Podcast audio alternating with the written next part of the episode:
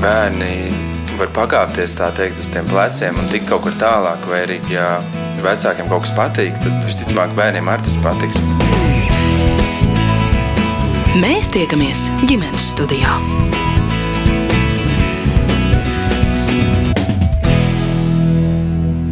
Labdien, un esiet sveicināti ģimenes studijā. Šodien es Agnese Linka aicinu jūs uz kādu iepazīšanos, šoreiz ar Lazdiņu ģimene, kas mīt tepat Rīgā.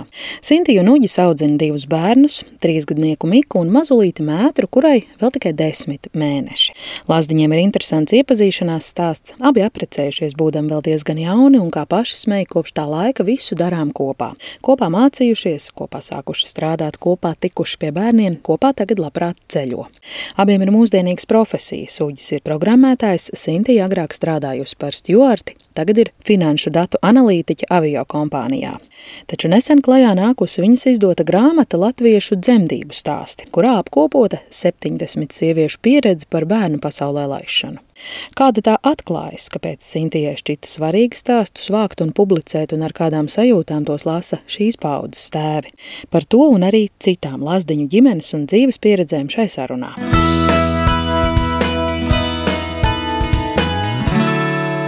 Mēs esam tie interesantie cilvēki, kas apzinās pozitīvu saku. Pats galvenais no visa. Pirms desmit gadiem jau. Pirms desmit, ah, nu pareizi, nu jā. Jā, es tikko biju pabeigusi skolu.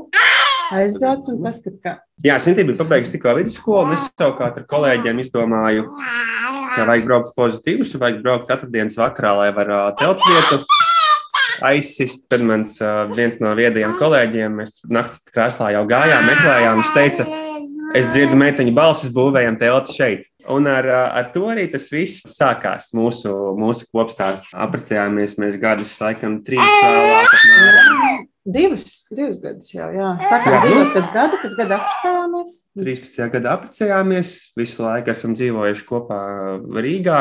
Kaut... Izmācījāmies kopā. Izmācījāmies skolas, pabeidzām kopā, strādāt, sākām darbus kopā. Ar bērniem tikām kopā. kopā. Dzīvokli, mašīnu, nu tā kā visu dzīvi esam iekārtojuši kopā. Es nodarbojos ikdienā ar programmēšanu, es taisu mobilās lietotnes. Sintīna savukārt ir finanšu analītiķis aviācijas, aviācijas uzņēmumā. Jā, man ir tas tāds interesants ceļš, kā es līdz tam nonācu. Jo iepriekš samā gāju intervijām un cilvēki lasa manu CV. Un uh, pirmais jautājums ir, kā tad tā? Tā kā redz manā CV, esmu bijusi promotors, cilvēks, kas festivālos un lielveikalos un pasākumos reklamē lietas. Tas bija vēl vidusskolas laikā. Pēc tam sāku mācīties, un diezgan tā kā mēs dzīvojam kopā, vajadzēja arī, protams, darbu atrast, lai varētu to visu finansēt. Tas, ko es sāku darīt, es strādāju ar Baltiku stjorti kas bija diezgan liels izaicinājums. Jo tu atlido reizes, pusdienas deviņos no rīta, un pat aizno rīta čemodāniņu dodies uz augstskolu. Turpat pārģērbēs, kur var atrast, ko izdarīt. Un mēs tādas vairākas bijām. Tiku gandrīz līdz mācību beigām, un mācījos biznesa psiholoģiju. Tad, protams, meklēju kaut ko vairāk par tēmu un uh, aizgāju uz Deloitte strādāt par uh, finanšu auditori. Un tas liecins tas diezgan interesants. un gal galā tas viss ir uh, tā ļoti interesanti sagājis kopā. Man pieredze kā stūrtēm, pieredze kā finanšu cilvēkam apkopojās aviācijas uzņēmumā strādājot par finanšu analītiķu. Arī kamēr mēs kopā dzīvojām, kamēr gaidījām savus bērnus, kaut kāda karjeras sanāca uztaisīt. Man ļoti patika tas darbs, man ļoti patika budžetēt, man ļoti patika Tas ir darbs ar lidmašīnām un eh, darbs ar eh, stūrtiem. Jā, un tagad es esmu dekrētā ar otro mazulīti. Es tā dzirdēju to 2013. gadu kā kāzu datumu, kāzu gadu, gadu pirms tam, kā teicāt, dzīvojāt kopā, tad jums ir kaut kāda apaļa jubileja kā pārim, kā ģimenei šogad. Jā, jā, mums tieši pagājušajā gadā nosnēma desmit gadu iepazīšanās jubileju. Liekas, tā diezgan ilgi, redz, 19 gadi man bija, kad mēs iepazināmies. Es atceros, ka es augstskolā teicu, ka man mainīsies uzvārds un es būšu Lazdiņa. Un pasniedzēja tā, vai es drīkstu pajautāt, neuzturēt kaut kā nepareizi, neapvainoties, tad domāju, kas tagad, tagad būs. Un viņa tā, kāpēc tik jauni cilvēki preces? jo ļoti daudziem likās, nu kā jau tik jauni, tad varbūt ģimenes pieaugums vai kā. Un es biju kā reiz arī eh, skolas saldojumā, tur arī visiem bija tas pats jautājums. Tas ir gandrīz dabīgi. Kāda ir tā atbilde šobrīd uz to jautājumu? Kāpēc tik jauni cilvēki preces? Tur bija vēl viens iemesls. Man bija karjeras tāda iespēja, ka būs nepieciešams dzīvot Amerikā un strādāt. Un, un tas bija tāds uh, grūdienis, kad bija nopietni par to jāpadomā. Jo, jo nu, ja man izdodas dabūt vīzu, tad draudzene līdzi ņemt nevar. Tur vajag kaut kādu stingrāku papīru, kā praktiski domājot. Un, un tāpēc uh, Un tas pats bildinājums nāca tāds sasteigts, un uh, šobrīd nelepojos ar savu veikumu tieši bildinājuma ziņā. Izklausās, ka tur kaut kas interesants ir, ir apakšā. Ne, bija absolūti neinteresanti, absolūti neradoši. Jā. Nē, kāpēc? Es lepojos ar, ar rezultātu, bet ar to pašu bildinājumu procesu tā ne īpaši.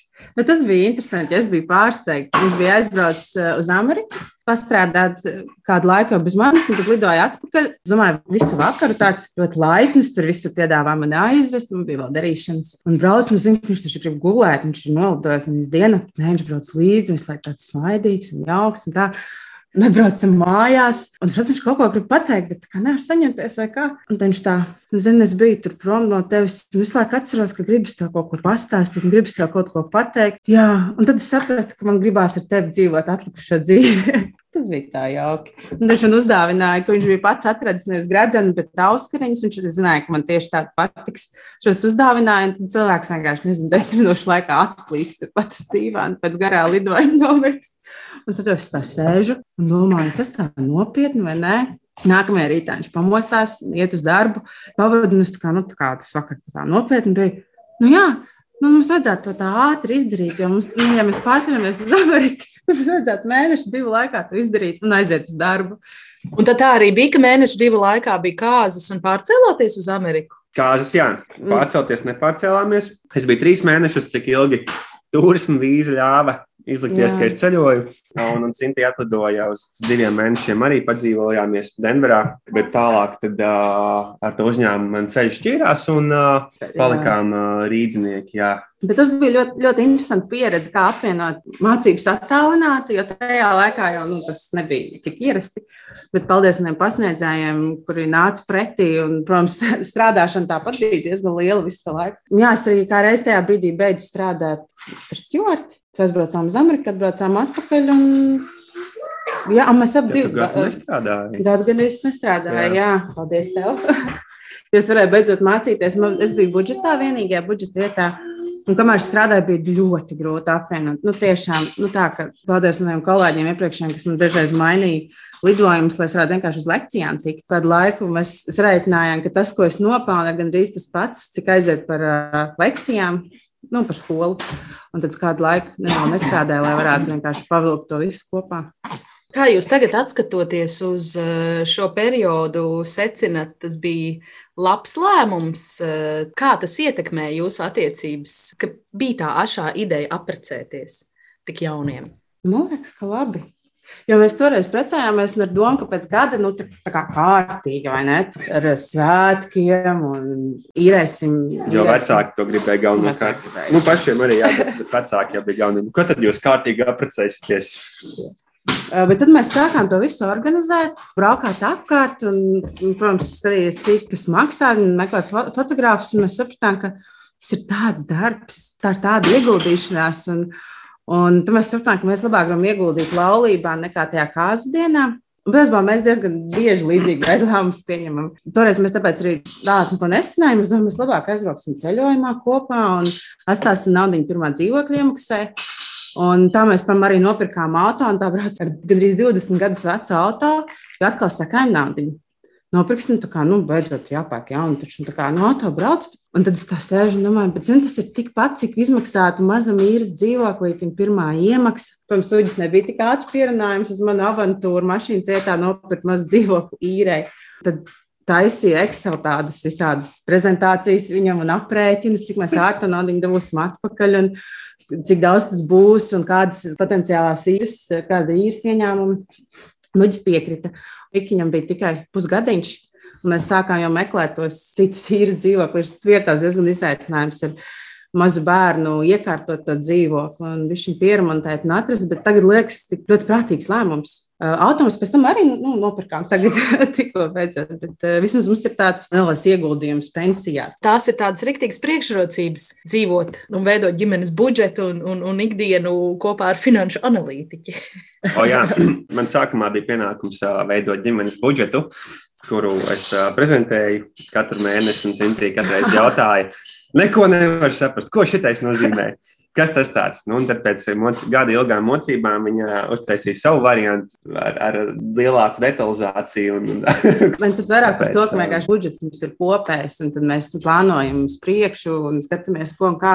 Kādēļ plānojam uz priekšu? Nu, protams, tur izmaksas bērniem dzīvokļu un auto, bet mums ir vēl projekts, kurus šogad beidzot piepildīju. Tas ir izdot grāmatu. Es domāju, ka pirms gada es nolēmu, ka visbeidzot tam ķeršos klāt un mēģināšu izdarīt, un tam, protams, vajag finanses. Un uh, nedēļa pēc tam, kad es uzsāku darbu pie savas grāmatas, Duģis atkal jau gulētājot pateica, ka viņš uh, arī ir saņēmies iet prom no esošās darba vietas un taisīt pats savu uzņēmumu. Un tad, tas bija tāds izaicinošs periods, kur man vajadzēja nedaudz gatavoties, protams. Bet viss ir izdevies. Pagājušajā gadā mēs vienlaicīgi, sāku darbu pie grāmatas. Un uh, Uģis izveidoja savu, kā viņš saucās, IT aplikāciju uzņēmums. Nu, nē, nu, es esmu freelancer. Tas jau nav īsts uzņēmums. Vienkārši daru to, ko darīju tikai pats. Bet kas vēl tajā laikā notika, tajā laikā arī tam mētra parādījās. Pagājušajā gadā bija ļoti liels tāds pārmaiņu gads. Gan, gan darba maiņa, gan grāmata, gan otra dzimtā. Un tas, ka mēs visi mājās sākām dzīvot, jā, jau sākumā, es biju ar Miku mājās, tad tu darbā, tad uh, ar visu šo pandēmiju Miks īslaicīgi gāja bērnu dārzā, tad mēs viņu izņēmām. Un uh, diezgan īsā laikā tā dzīve diezgan ļoti izmainījās. Mēs visi četri esam jau gadu mājās. Nu, labi, Mikiņš viņš viņu vēlāk. Un mājās ir divi mazi bērni, un uh, Uģim vajag arī vietu un laiku pat strādāt. Tas arī kā to savienot.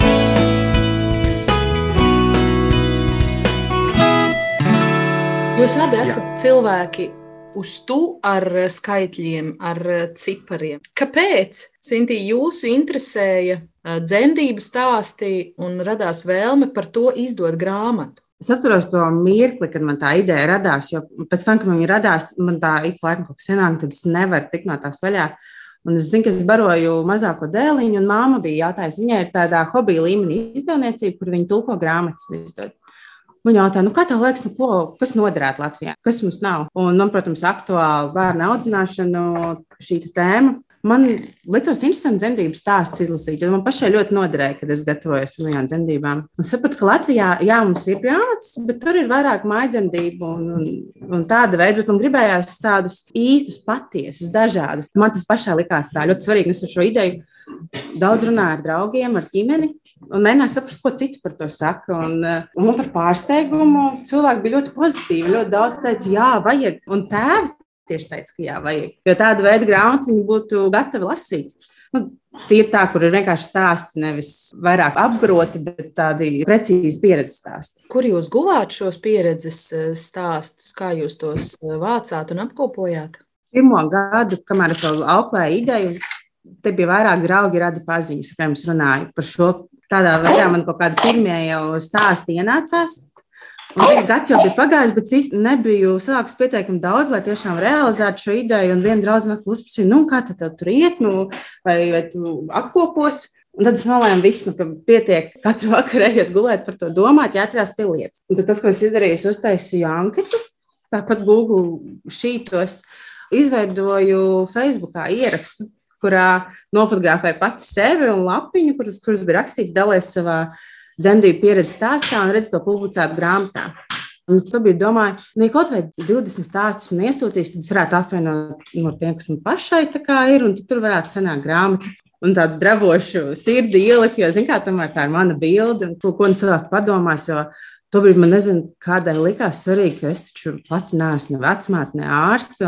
Par to es tā nedaudz uztraucos. Bet ieliku, un tā cilvēka atsaucība bija fenomenāla. Es biju, jā, es biju diezgan lielā šokā. Es ieliku aizbraucu pakaļ bērnam uz dārziņu, un braucot mājās, man jau bija tie 20 stāsti. un, tas, un tajā brīdī es sēžu pie virtuves galda un turpinu nākt, un cilvēki dalās Un cilvēki raksta komentārus, un tie komentāri ir pozitīvi. Tā, visi, un es jau biju gaidījis, ka kā, ir cilvēki, kuriem nu, pašiem nav bijis laba pieredze, vai kuriem vienkārši ļoti līdzpārdzīvo. Tiem nepatiktu. Un es zinu, ka nu, tie nelasīs, kas ir normāli. Es pat gaidīju, ka varbūt kādu šādu komentāru. Un neviena tāda nebija. Visiem bija cik forša ideja.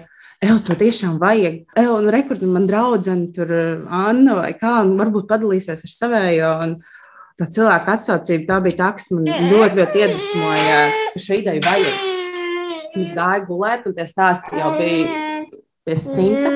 Nākamā rītā pamodos bija vēl vairāk, un es sapratu, ka ir jābeidz šo stāstu ievākšana, jo man jau ir ļoti, ļoti daudz, un, un būs jāatsījā gluži vienkārši.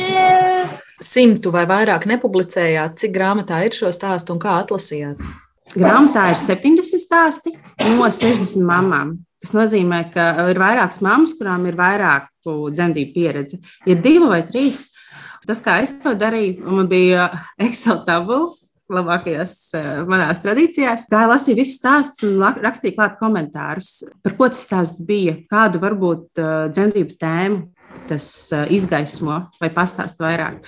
Grāmatā, piemēram, ir stāsts ar prēklamsīvu stāsts, kurā Māma visu laiku gaida, ka būs ķēzargrieziens, jo bērniņš ir tūpļu guļā, un beigās nē, bērniņš tomēr apgriežas. Vai tad ir stāsti par dvīnīšu dzimšanu, piemēram, arī ir stāsts, vai, stāsti, kur bērns piedzimst tik ātri, ka mamma nespēja aizbraukt līdz slimnīcai, lai arī dzīvo no slimnīcas 5 minūšu attālumā. Un tādā veidā es lēnām liku šos komentārus, un tādā veidā es iegūstu tādu pirmo izlasi, kuru varētu likt iekšā devu lasīt uh, savām māsīcām, kuras vēl nav mammas, un gribēju redzēt viņu reakciju. Gan viņas, gan arī vīrs, kurš lasīja, jau saka, nu, kas ir tonīši, epizotomika, kas tas tāds vai epidurālā, kāda starpība starp spinālo anestēziju. Un uh, tie jautājumi likās tādi ļoti nu, loģiski, man ne? Es tā kā pati viņš zina, izgājuši un pats esmu cauri. Un tas, kas izkristalizējās, ka stāstiem klāt nepieciešams neliels, teiksim, tā vārnīca, informācijas skaidrojums, un tad paralēli man bija divi saraksti. Viens ar informāciju, kuras vēlos iekļaut grāmatā, kas būtu kā dzemdību termiņu un tēmu skaidrojums, un otrs stāsti, kurus vēlētos iekļaut grāmatā. Un tad kopā tos pielīdzinot, meklējot, liekot kopā, un arī izkristalizējās šie 70 stāsti, kur tika iekļauti. Un kas ir ļoti interesanti, ko es pat biju pārsteigta.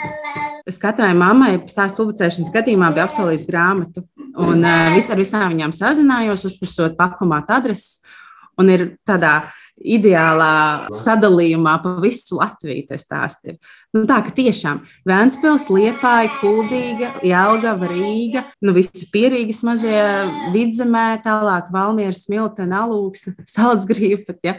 Un tad arī Latgalē, protams, Reize, Daugavpils, Krāslava, Mokās. Un nezinot, kur tās mammas dzīvo, ir izdevies šādu tiešām visaptverošu Latvijas karti aptvert, un vēl trīs mammas ir no ārzemēm. Arī katra no ir Skandināvija, Lielbritānija un Vācija. Mums nav tā, ka viss ir no Rīgas, no vienas dzemdību iestādes. Vai ir kaut kas, kaut kādas pamanāmas atšķirības to mammu stāstos, kuras ir dzemdējušas galvaspilsētā, reģionos, Latvijā, ārzemēs? Par Latviju runājot, patiesībā nē. Tas, ko es darīju, es ņēmu ārā dzemdību iestāžu nosaukumus, grāmatā tie nav. Es gribēju, lai tie ir pieredžu stāsti, nevis atsauksmes vai sūdzību vai ieteikumu saraksts. Tās lielākās atšķirības ir ar ārzemju stāstiem, par ko es biju pārsteigta. Latviešu sievietes ir ļoti izglītotas par dzemdībām. Tiešām es biju pārsteigta. Ļoti daudzas mammas apmeklē dažādus kursus, lasa informāciju. Viņas ir izglītotas par atsāpināšanas iespējām, viņas ir izglītotas par elpošanu, par kursiņiem, kā pārvarēt sāpes. Un tas ir ļoti pārsteigums, bet tā izmaiņa ir veselības aprūpes vispār tajā sistēmā attieksmē pret mammu. Piemēram, ārzemēs mamma ir tā, kas izvēlās pozu, kādā dzemdēt. Un, uh, viņa ļoti tiek teikt, iedrošināta izmēģināt daž, dažādākos veidus, tupus vai sēdes vai, vai kā. Un, um, Latvijā joprojām ir, ir tā līdzekļu pozīcija, kad guļ uz muguras. Tā ir ļoti attīstīta. Bija pat mammas, piemēram, kuras atbrauca sākumā dzemdēt ārzemēs, un Latvijā viņām ir tas pārsteigums, ka viņām tagad uh, piedāvā mainīt pozu. Un, teiksim, varbūt tā iejaukšanās, iejaukšanās vai mēģināšana palīdzēt no aprūpas personāla puses ir tāda nedaudz citādāka, kā es varbūt saskatu ārzemēs. Bet tas arī ir atkarīgs no mammas. Jo, redziet, mammai pašai nav vīzijas par to, kā viņa vēlas dzemdēt, vai nav vēlmes iepriekš par to, ko viņa gribētu izmēģināt. Tad, bet nu, personāls vienkārši vēlas palīdzēt. Tādēļ ir šie, šie ieteikumi. Māmas ir izglītotas ar zināšanām, bet tieši kā praktiski pielietot, vai ko tas nozīmē dzemdībās, tas neiet īsti kopā vairāk. Tā bija tā mana pieredze, ka viņas zina, ka jā, viņas gribētu dzemdēt šādi vai tā, bet viņas nezina, kā to nokomunicēt. Viņas nezina, kā to uzprasīt, kā to pateikt. Jā. Būtībā jūs laikam atbildējāt uz manu nākamo jautājumu, vai ir kaut kāds vienots vadmotīvs par to, kā tad latvietis dzemdē, nu, ja nosaukums grāmatai ir latviešu dzemdību stāsti, vai ir kaut kāda vienotā tendence, kas caurvīja visus tos stāstus? Tas ir, ka mēs esam ļoti izglītotas, manuprāt, māmas, bet ir ļoti pieklājīgas. Un, uh, varbūt tas ir saistīts ar to, ka mm, dzemdības ir bezmaksas pakalpojums. Nu, Latvijā tas tādā ziņā, ka bezmaksas, bet ka valsts apmaksā. Un tad uh, māmas nerunā pretī, un ir arī iemācīts, kā, nu, kā nu, taču labā meitene, nu, ko tad es tur teikšu, vai, vai uzplīšos, vai iebildīšu, vai ne. Jo ārzemēs uh, dzemdības ir maksas pakalpojums. Un tur tā attieksme ir nedaudz citādāka. Tā kā pieprasa varbūt vairāk. Bet ir arī otra puse, ka kā, tas ir valsts apmaksāts, tad tas personāls arī es pilnībā apbrīnoju visu to aprūpas personālu, gan vecmātes, gan ārstus, gan sanitārus ar eh, šo algu situāciju, kādas viņām ir, kā viņas tiešām ļoti daudzas mīl savu darbu joprojām, un cik daudz jaunu meiteņu arī iet profesijā iekšā un, un, un strādā, un visu cieņu viņam. Vai tur ir arī jūsu pašas dzemdību stāsti? Tur ir, bet uh, tie nav zem man bērnu īstajiem vārdiem. Tā mana doma bija, lai stāsti būtu anonīmi, un lai iegūtu to dažādo pieredzi. Ja cilvēki zinās, kur ir mans stāsts, es negribu, lai tas pārvērš par tādu, nu, un es izlasīju, kā tev ir gājis. Nu, klausies, nu tagad parunāsim. Tas nebija grāmatas mērķis runāt par manu dzemdību pieredzi. Grāmatas mērķis bija parādīt dažādo pieredzi un eh, katram ļaut izdarīt pašam savus secinājumus. Tā anonimitāte, tad es saprotu, ir atklātības vārdā. Jā, māmām teica, ka viņas var likt savu bērnu īstos vārdus, un es zinu, ka vairākas tā arī darīja.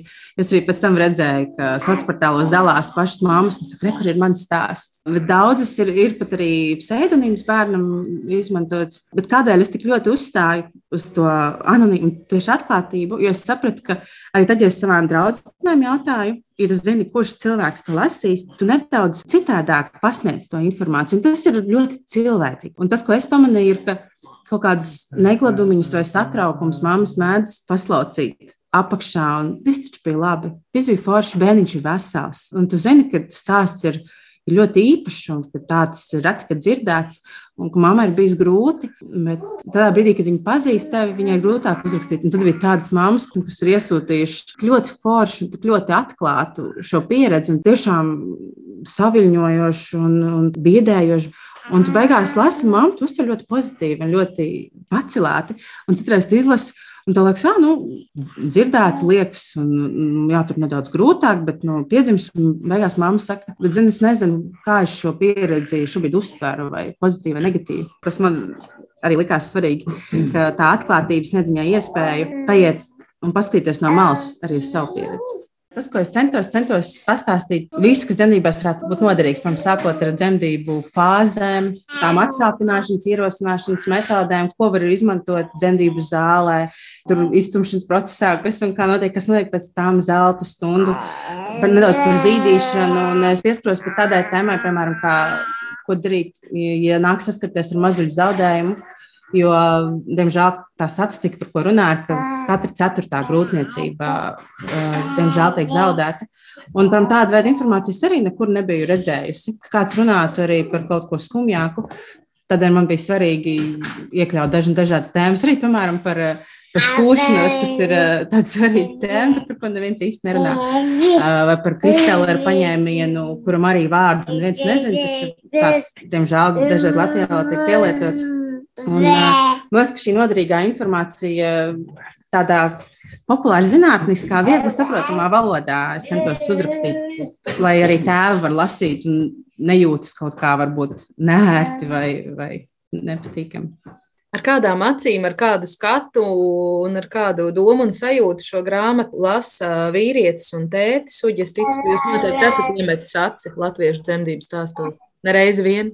Jā, esmu izlasījis nu, vismaz vienu reizi, vienu un vēl bišķīt pārlasot. Nu, visas, jā. Nē, nu, pirmkārt, ir īstenībā gan man, gan citiem, kas, kas to grāmatu, ko zinām, ka lasījuši, atsauksme pirmā ir, ka ļoti viegli un ātri lasās, ka divos vakaros grāmata ar uh, gandrīz 300 lapām ir izlasīta, jo, jo tie stāsti tiešām ir interesanti. Un, uh, bija interesanti stāstus redzēt dažādus, nu, kā seriālā, ja mēs skatītos uh, Grejas anatomiju vai Doktora Hausa vai kaut ko no tās sērijas, ka tie stāsti ir uh, katrs savas sērijas vērts un katram ir kaut kāds savs piedzīvojums vai morāli vai kaut kas. Un, jā, nu, tāds izglītojošs materiāls, kurš ļauj labāk saprast, nu, kas īsti var notikt, cik dažādos veidos tas viss, viss process var izvērsties. Un tā ir laikam galvenā atziņa, un otra ir kaut kāda, kad uz to visu skatoties pēc dzemdībām, neviļus tiek salīdzināts, kā tad mums ir gājis, un kā viņiem arī bija līdzīgi, vai re, kā,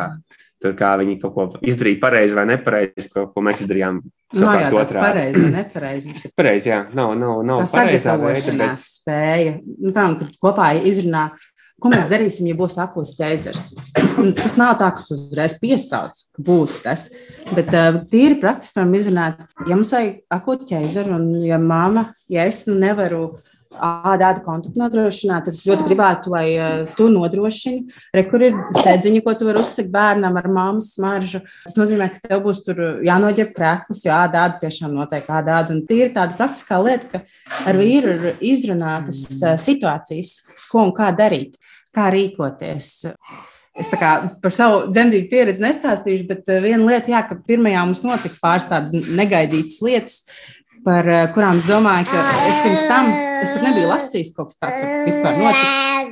Un uh, tagadējām zināšanām mēs būtu praktiski vairāk sagatavojušies. Nu, manuprāt, nu, tas būtu varbūt mums palīdzējis arī.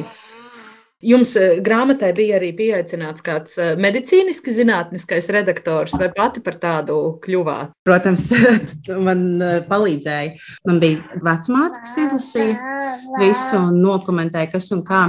Tad man bija jau pašā grāmatas veidošanas sākumā pieteicās viena sieviete, kas ir dūla apmācību vadītāja, pētmāma, pat arī pētmāmas apmāca, un viņa ir arī supervizora. Un, Viņai bija arī pirmā, kurai es aizsūtīju savu malnrakstu un lūdzu, lai viņa iekomentē. Un nevis tīri pareizi, nepareizi, bet arī sajūta līmenī, kas un kā viņai patīk, ko viņa gribētu klāt. Un, Viņa brīnišķīgs komentārs deva un kādas idejas deva klāt, un divas tēmas arī kļuva daudz plašākas.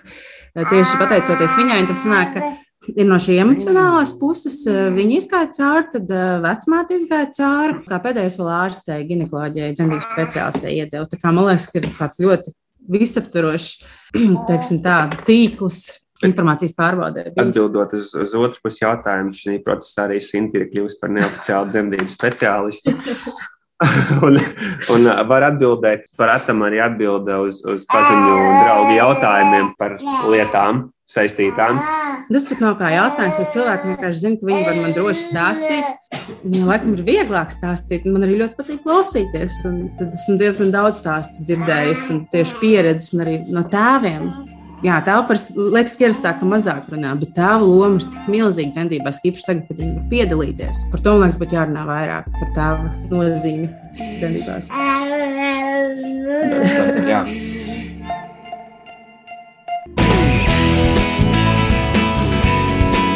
Mēs tiekamies ģimenes studijā.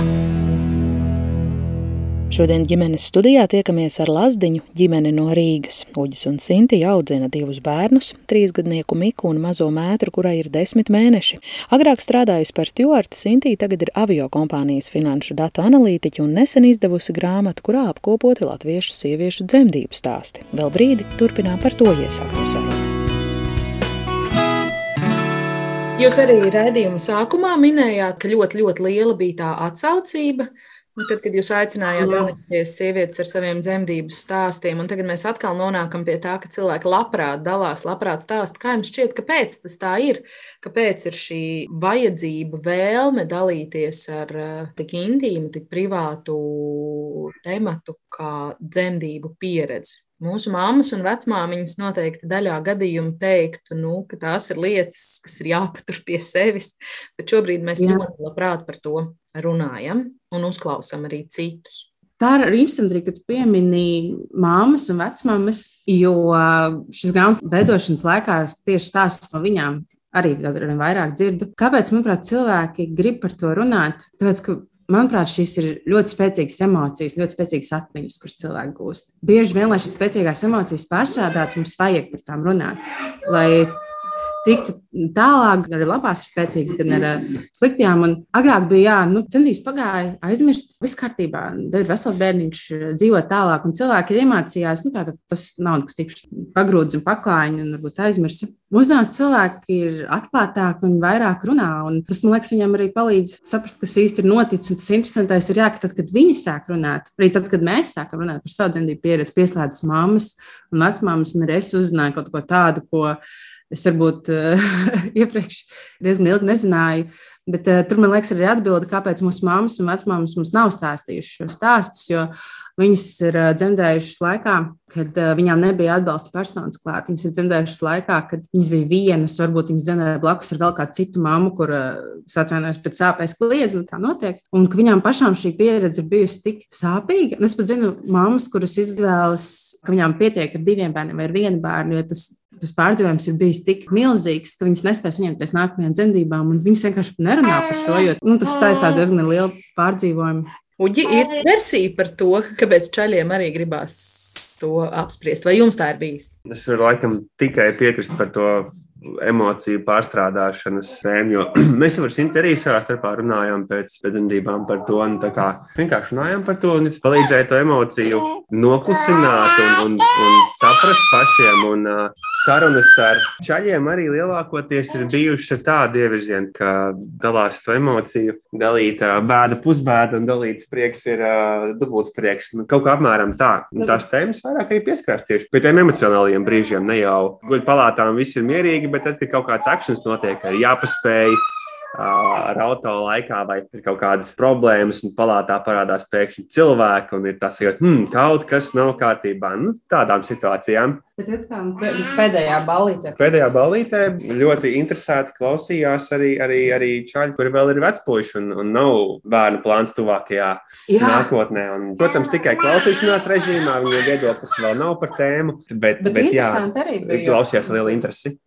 Bija arī dažas Tur cauruma zināšanās, jā, kur arī mammas nezinu, grāmatā ir stāsts, manuprāt, par, par to, ka ah, paga placenta, tāda arī ir. Nu, teiksim, otrajās dzemdībās, tad, kad uh, ir, ir jau zināšanas lielākas, tad arī mēs kopā ar vecmāti, kamēr Sintīja mazo baroja, tikmēr mēs ar vecmāti nu, par placentu parunājām un izpētījām, kas tur īsti ir. Tas vienkārši īpašs gadījums. Nu, vidējās vai vecākās paudzes vīrieši, kuri parasti šajās situācijās saņēma zvanu no slimnīcas. Ka bērns ir klāts, viņi droši vien ģīpst kaut ko tādu izdzirdot, ka jūs kopā ar vecmāti papētījāt, kāda ir tā placenta. Jā, bet laikam vairāk fascinē, kā tas viss strādā, cik atjautīga ir daba un kā viņi to mājiņu uztaisa, izmanto un pēc tam atbrīvojas. Jā, un tu tur ir trīs tie asinsvadi, kurus ultrasonogrāfijā pēta, un, un nezinu, ko vēl, ko vēl var pētīt. Bet, protams, vai mēs runājam par tēviem? Tēvi ļoti labi zina, cik daudz viņi grib piedzīvot. Viņi tiešām paši var uh, pateikt, piemēram, es negribu piedalīties iztumšanas periodā. Vai ir māmas, kuras pašas ļoti labi apzinās, ka Uh, es gribu savu vīru tad un tad, un negribu tad un tad. Un tas ir ļoti svarīgi to ņemt vērā. Un ir ļoti svarīgi arī pajautāt vīram, vai viņš grib piedalīties. Man pašai, tad, kad es to pirmo reizi izlasīju, ka viena vecmāte tā teica, ka arī vīram ir jāpajautā un ir jāņem vērā viņa vēlmes, man bija tāda iekšā pretestība. Nu, bet kā, nu, man taču ir grūti, lai viņš arī piedalās. Man arī vajadzēja pāris mēnešus, lai es tev pieļautu tādu domu, ka, ja es viņam šo jautājumu uzdošu, viņš atbildēs, ka viņš nevēlas, ka man būs jārespektē šis lēmums. Un tā es viņam to pajautāju dzemdību dienā tikai. Es saprotu, ka atbilde bija tāda, ka kuģis ir ar mieru būt klāt. Ja? Jā, nu, jā, jā. Nu, protams, es nezinu. Es, es personīgi nevaru iedomāties īsti citu variantu. Pirmkārt, jau mēs uz, uz otrajām dzemdībām jau krietni vairāk gatavojāmies, un, un man bija tā apziņa, Nu, mums abiem bija, ka brīdī dzemdību laikā sievietes prāts ir aizmiglots. Viņš ir fokusējies. Da, dabīgi, dabīgi jā, viņš tā. ir aizmiglots tīri tāpēc, lai, lai, lai tas process būtu vairāk ciešams. Nu, ja ir jāpieņem kaut kāds lēmums, tad to pieņem atbalsta persona. Tam nav obligāti jābūt vīram. Tie scenāriji, kaut kādi galvenās tēmas mums jau bija sarunātas. Mēs izdomājām, ko gribam, ko negribam, un ja nu gadījumā ir jautājums, vai darīt lietu X nezinu, lietot medikamentus, vai taisīt ķēzara griezienu, vai pats to neizlaiž, protams, bet kā tādā gadījumā nu, rīkoties man, vai ir kaut kādas papildus lietas, ko Sinti jau minēja, ka, piemēram, nu, jānodrošina sādāda kontakts. Tīri, tīri tādas lietas. Nu, jā, tāpēc atbalsta persona ir vajadzīga. Un mēs simtīgi kopā gatavojamies loģiski, ka tas, ka tas esmu es tajā brīdī.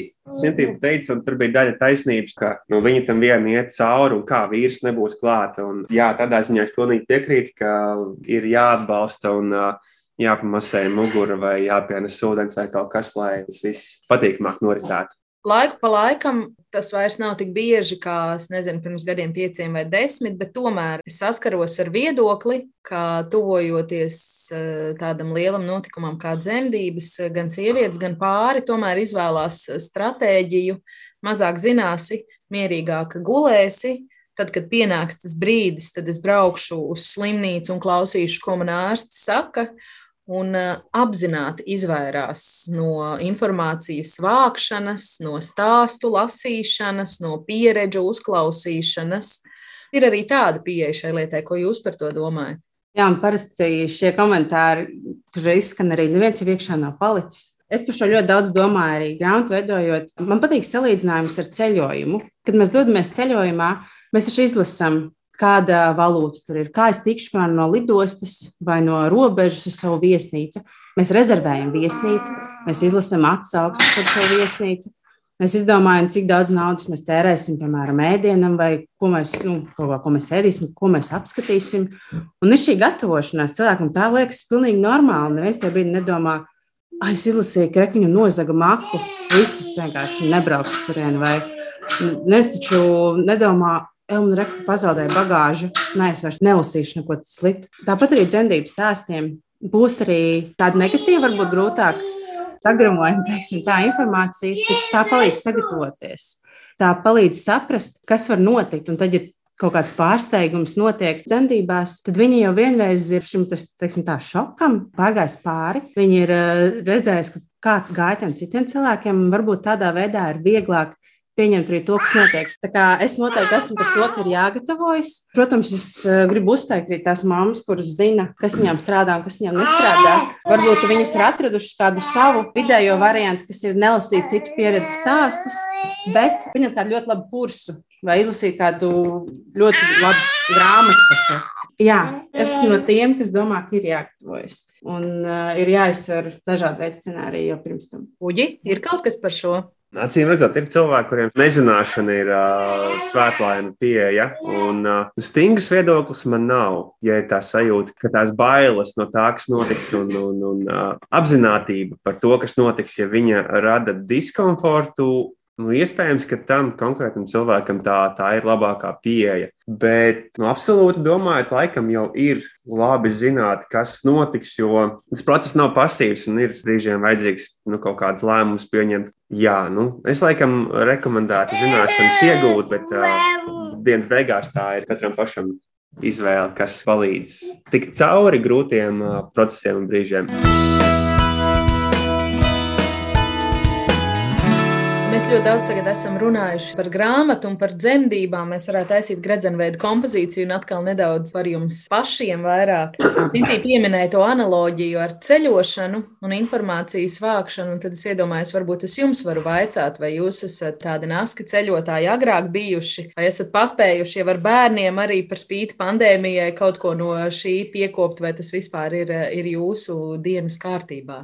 Es teiktu, varam izriest krūtis un teikt, jā, mums patīk ceļot. Tas vairāk nāk no Sintīs puses, jā, Sintīs strādāja aviācijā. Un, nu, jā, nu jā, tāpēc jau es jautāju. Vecāki ir geogrāfi un geogrāfiem patīk ceļot, un bērnībā viņi ņēma Sintī daudz kur līdzi. Kad mēs sākām uh, savu kopdzīvi, tad uh, nu, man bija jābrauc līdzi.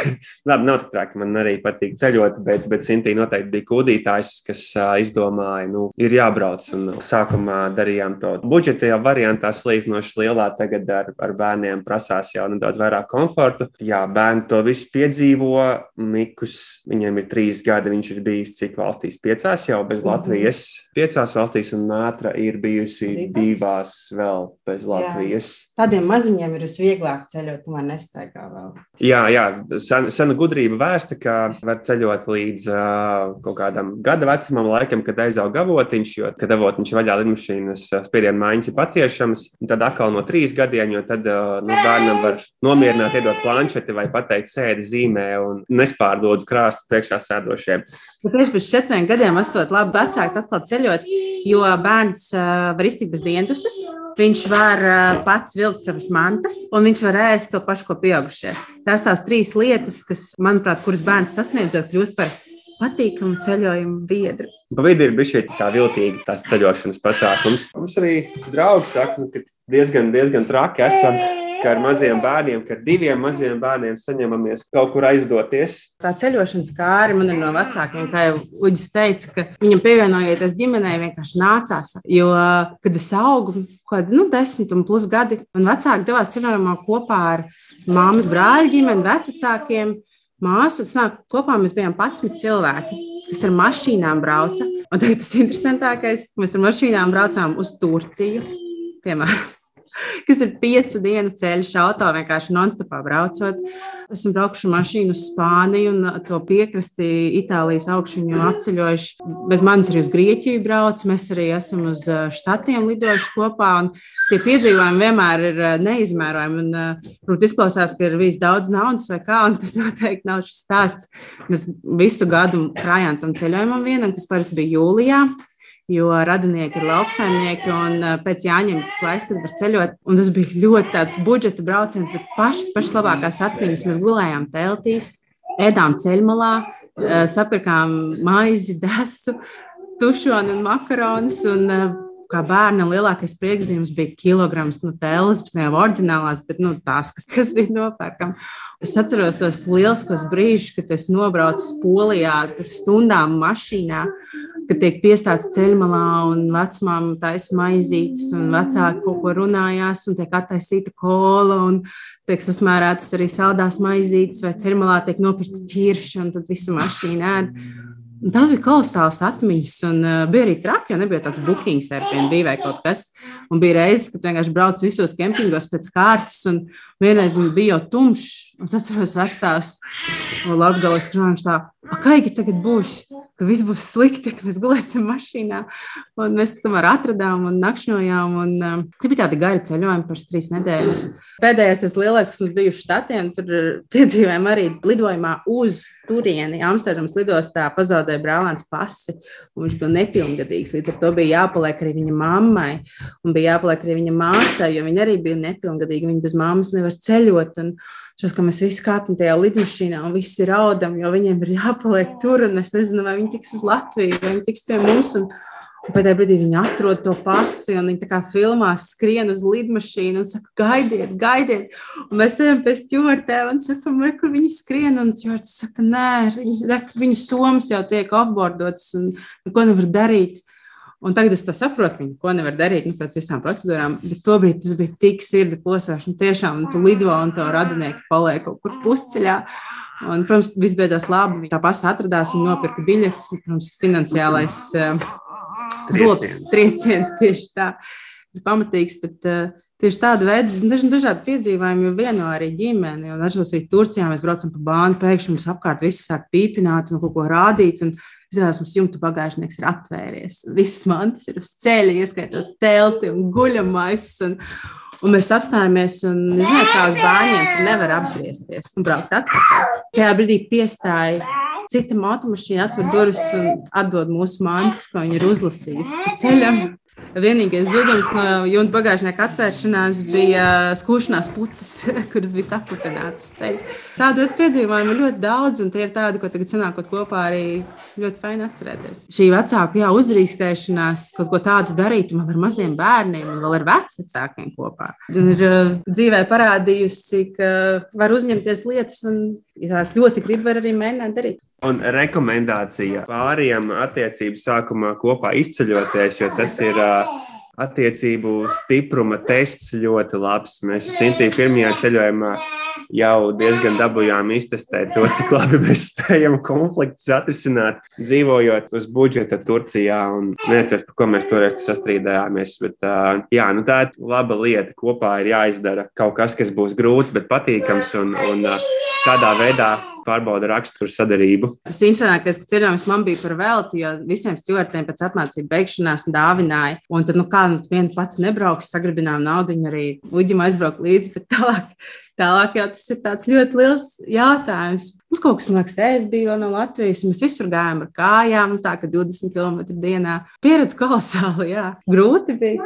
Bet ļoti, ļoti interesanti. Nu, arī tagad, skatoties pagātnē, cik ļoti esam mainījušies. Sākumā kā divi studenti, ja man bija 21 gads, tad apprecējos, un mēs sākām dzīvot kopā. Sākumā, kad tu tur skaiti katru kapeciņu līdz mēneša beigām. Un kā ir tagad, kad divi bērni un viss ir kārtībā?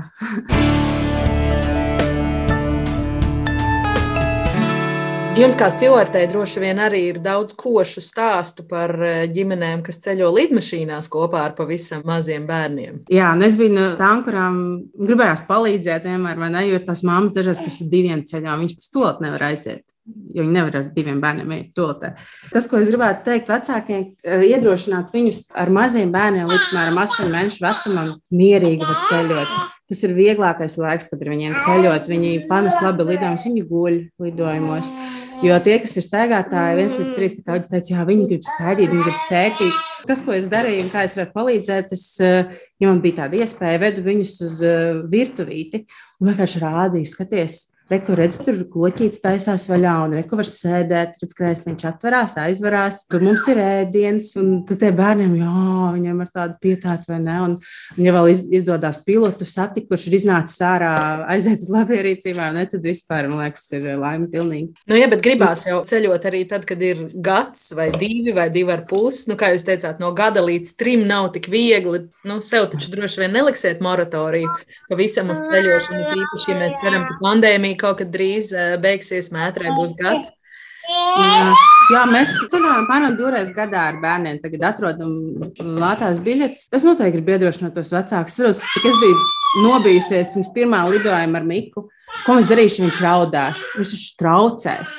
Bet uh, ar to bērnu raudāšanu tā, ka tas baltais troksnis, kas ir lidmašīnā, viņš noslēpē, līmeni tas bērns nav izcilis piekšanas uh, čempions. Viņš noslēpē jau pēc pāris rindas uz priekšu, jau pat nedzird. Bet, bet mēs arī no vecāki būdami tik un tā skatāmies, kad lidmašīnā kā bērni mēs pētām, nu, kur tad viņi apsēdīsies, cik to būs. Tā vienkārši ir. Bērni būs čīkstoņi, tikai tagad mētra demonstrēja. Jā. Jo, jo. Nē, mētra ir izcili izturējusi sarunu. Nākamā grāmata jātaisa par to, kā ceļot, kā ceļot ar bērniem. Vienkārši simts veidi, kā ceļot ar bērniem lidmašīnā. Tā nav tā sliktākā ideja, starp citu.